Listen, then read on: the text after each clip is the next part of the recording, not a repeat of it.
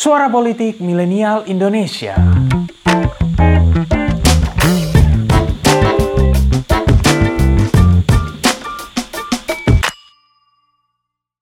WNI keturunan Arab supaya sebagai elit yang dihormati oleh masyarakat kita cobalah mengendalikan diri jangan menjadi provokator.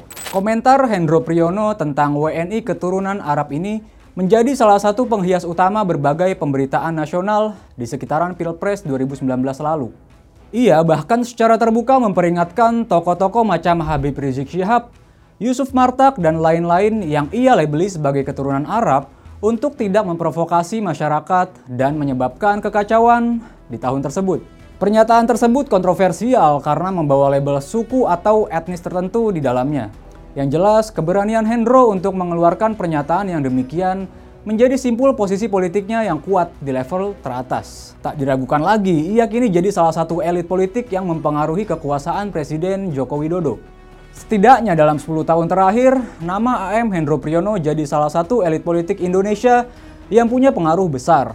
Sejak awal ketika di tahun 2014 lalu, ia ditunjuk menjadi penasehat tim transisi Jokowi Yusuf Kala untuk memuluskan pergantian kekuasaan dari era SBY.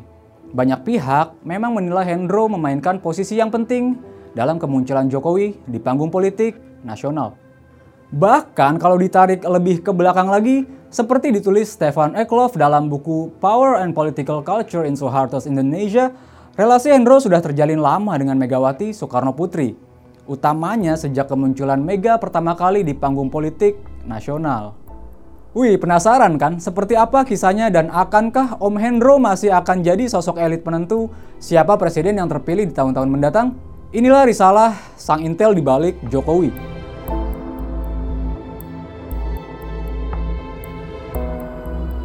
Seperti disinggung sebelumnya, nama Hendro Priyono bukanlah purnawirawan militer yang bisa dipandang sebelah mata. Beberapa catatan, misalnya seperti dikutip dari Tirto, menyebutkan bahwa Hendro adalah salah satu anak didik tokoh militer legendaris Jenderal Beni Murdani. Bersama Luhut Panjaitan dan Agung Gumelar, Hendro menjadi salah satu sisa tangan Beni Murdani yang masih aktif di politik nasional Indonesia hari ini. Sedangkan dalam konteks relasinya dengan Megawati, mantan kepala BIN ini dianggap berjasa bagi Mega ketika terpilih sebagai ketua umum PDI di tahun 1993. Seperti dikutip dari buku Eklov, ketika muncul dukungan bagi Mega untuk menjadi ketua umum PDI, yang sebenarnya merupakan bagian operasi bawah tanah Beni Murdani untuk melawan Soeharto, Hendro yang menjabat sebagai Pangdam Jaya memberikan dukungan secara tidak langsung. Ia pernah bertemu selama kurang lebih tiga jam dengan Megawati yang kala itu melakukan safari politik ke para petinggi militer. Om Hendro menyebutkan bahwa militer tidak punya masalah jika Megawati menjadi ketum PDI. Ia bahkan berjanji untuk mengamankan musyawarah nasional PDI yang diselenggarakan di tahun tersebut. Om Hendro juga jadi sosok yang membantah bahwa Soeharto tak setuju Mega jadi ketum PDI setelah Mega terpilih jadi ketum PDI, Eklov mengatakan Hendro disebut-sebut sebagai salah satu tokoh militer yang ikut dalam Dewan Formatur, sekalipun sumber lain menyebut tokoh tersebut adalah Agung Gumelar. Yang jelas, keberadaan sosok militer aktif membuat posisi politik Megawati menjadi makin kuat. Konteks keterlibatannya ini pada akhirnya membuat Om Hendro dimutasi dari jabatannya setahun kemudian dan dipindahkan menjadi Komandan Kodiklat TNI AD, jabatan yang menurut Eklov baru diciptakan dan powerless. Yang jelas, sangat mungkin keberpihakan Om Hendro pada Megawati membuatnya menjadi salah satu pendukung terbesar Mega. Sekaligus orang yang ikut menentukan kekuatan politik Mega serta PDIP di waktu-waktu selanjutnya.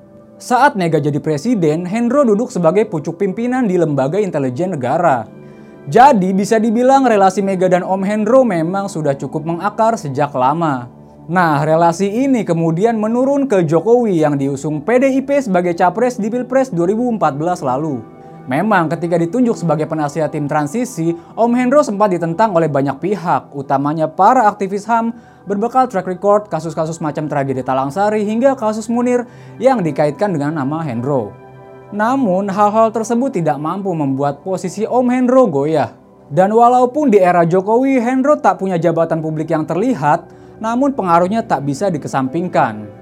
Catatan dari media Singapura The Straits Times menyebut Om Hendro mendukung penuh Menteri BUMN di periode pertama kekuasaan Jokowi, Rini Sumarno. Hendro juga menjadi sosok yang terlibat dalam pembangunan pabrik mobil SMK.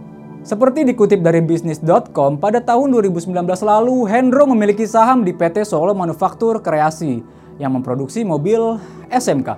Buat yang belum tahu, mobil SMK ini penting loh karena menjadi poin yang membawa nama Jokowi dari wali kota Solo ke ibu kota Jakarta dan kemudian menjadi Presiden Republik Indonesia. Dengan demikian, bisa dibilang selain Luhut Binsar Panjaitan, nama Om Hendro Priyono adalah sosok purnawirawan militer lain yang menjadi penentu kekuasaan Jokowi.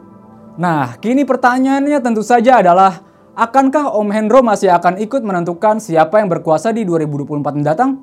Well, kalau Panglima TNI Jenderal Andika Perkasa benar-benar dipinang dan maju di 2024, katakanlah sebagai cawapres misalnya, maka tangan kekuasaan Hendro masih akan terjaga. Kita tahu Om Hendro adalah mertua dari Jenderal Andika.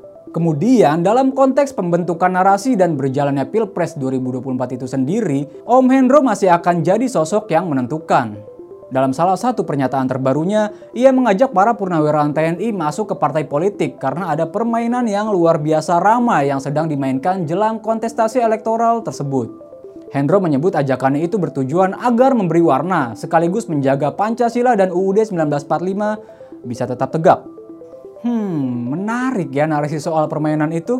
Anyway, kalau menurut kalian gimana? Akankah Om Hendro Priyono masih jadi sosok yang menentukan utamanya jelang Pilpres 2024 nanti? Berikan pendapatmu.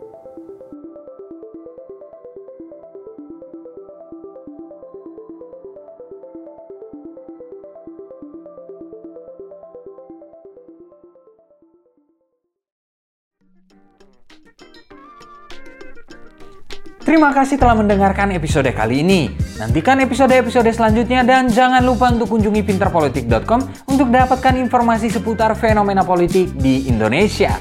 See you next time and bye-bye.